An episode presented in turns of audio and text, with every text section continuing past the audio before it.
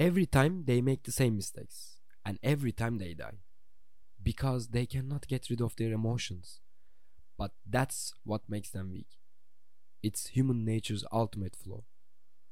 One shouldn't base in choice on love, anger, hate. They are just silly feelings that cloud the mind.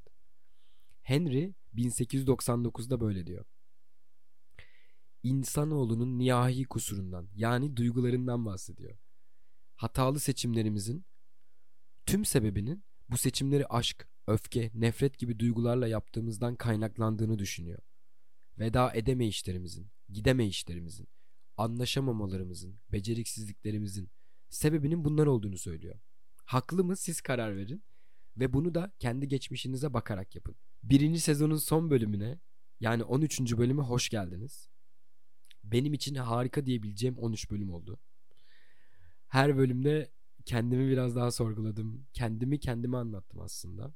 Siz de misafir olarak duymak istediklerinizi duyup gittiniz. Herkes başka şeyler aldı anlattıklarımdan. Bir takipçim bana mesela çok garip bir şekilde sen nasıl bu kadar mantığınla hareket edebiliyorsun? Seni idol olarak alıyorum dedi. Bunu söyleyen takipçim Fransa'dan bir arkadaşımız. Çok şaşırmıştım duyduğumda. Çünkü bütün bölümleri tam da duygularımla hareket ettiğim için, anlatma isteğimi durduramadığım için çektim aslında. İşte insan karşısındakini nasıl anlamak istiyorsa öyle anlıyor. Sizin ne anlattığınızın, ne söylediğinizin hiçbir önemi yok aslında. Ben anlattığım şeylerin bendeki yansımalarını çok iyi biliyorum tabii ki. Aileme başka, yakın arkadaşlarıma başka, eski sevgilime başka, beni gizliden takip eden varsa onlara başka şeyler ifade ediyor bu bölümler. Biliyorum. Güzel olan da bu zaten iletişimle ilgili. Her seferinde farklı bir anlam çıkması. Peki iletişim bu kadar öznelse ve biz sadece kendimize göre karşımızdakini anlıyorsak sizce de anlatmak aslında büyük bir zaman kaybı değil mi? Belki de anlatmak anlamak istediğimiz içindir. Ben bundan yıllar önce hikaye anlatıcılığı eğitimi alıp eğitmenlik yaparken abi çok sevdiğim mentor olarak gördüğüm bir gönüllü vardı. Ve böyle bir şey demişti. Hikaye anlatıcılığı elindeki doneyi çok iyi anlatmak değil. Karşındakinin kendi özgürlüğüyle o hikayeyi yeniden kurgulamasına yardımcı olmak.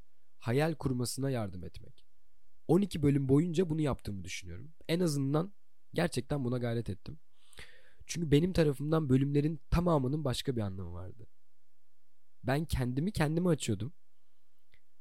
Uzun zaman anlaşılmadığımı düşündüğüm için o anlatma isteğini perçinlemişim sanırım ki müthiş bir motivasyonla bölümleri çekmeye devam ettim. Helvetikalardan tutun Arzu'yla doğum günü podcastlerine, Fatoş'la yaptığımız farkındalık konuşmasından Hiko'nun gerçekleri anladığını gün yüzüne çıkarttığımız bölümlere kadar kendimin gelişimle ilgili anlattığım şeylere kadar benim için müthiş bir hikayenin, müthiş bir puzzle'ın parçalarıydı hepsi. Şimdi de müthiş bir motivasyonla bu sezonu kapatma isteği var. Çünkü bu şekilde 90 tane daha bölüm çekilebilir. Ama bir noktada buna da veda etmek gerekiyor. Çünkü bazen standart olarak koyduğunuz şeyi aşağı çekmemek, onu güzel bırakmak adına bitirmeniz, veda etmeniz gerekir. Benim de kapatma motivasyonum bu sezonu bu aslında doğru zamanda veda edebilmek. Hayatımın bu sürecini kapatıp bundan öğrendiklerimle anlattıklarımla yoluma tıpkı sizin gibi devam etmek. Önümüzdeki yaz başında ikinci sezon geldiğinde neler olacak göreceğiz. Bu biraz şuna benziyor. Hepimizin farklı deneyimleri var bu hayatta. Nerede olduğumuzun önemi yok abi. Benim içinde bulunduğum vakıfta işte biz bu deneyimlerimizi anlamlandırırken şöyle bir metot izliyorduk. Bunu lütfen kendi deneyimlerinizde de kendinize uygulayın. Şimdi düşünün ki bir olay yaşadınız. Bir deneyim, bir acı, bir kayıp, bir süreç. Adını siz koyun.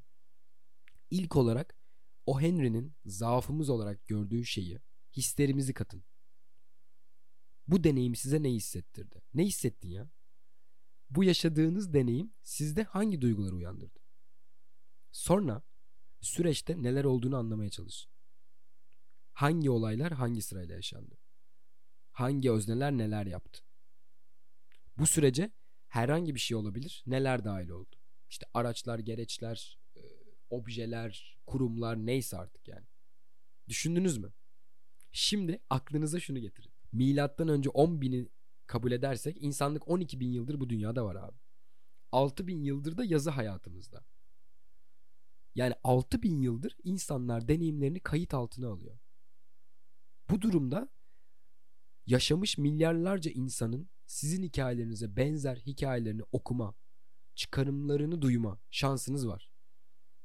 Mesela böyle buyurdu Zerdüş'te veda ile ilgili Nietzsche diyor ki ey deli veda için sana şu ödü veririm. Bir yer ki artık orada sevemiyoruz oradan geçip gitmeli.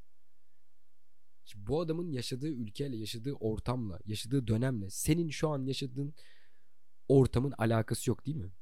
Ama böyle hissettiğin oldu. Bundan 2000 yıl önce de aşk acısı vardı.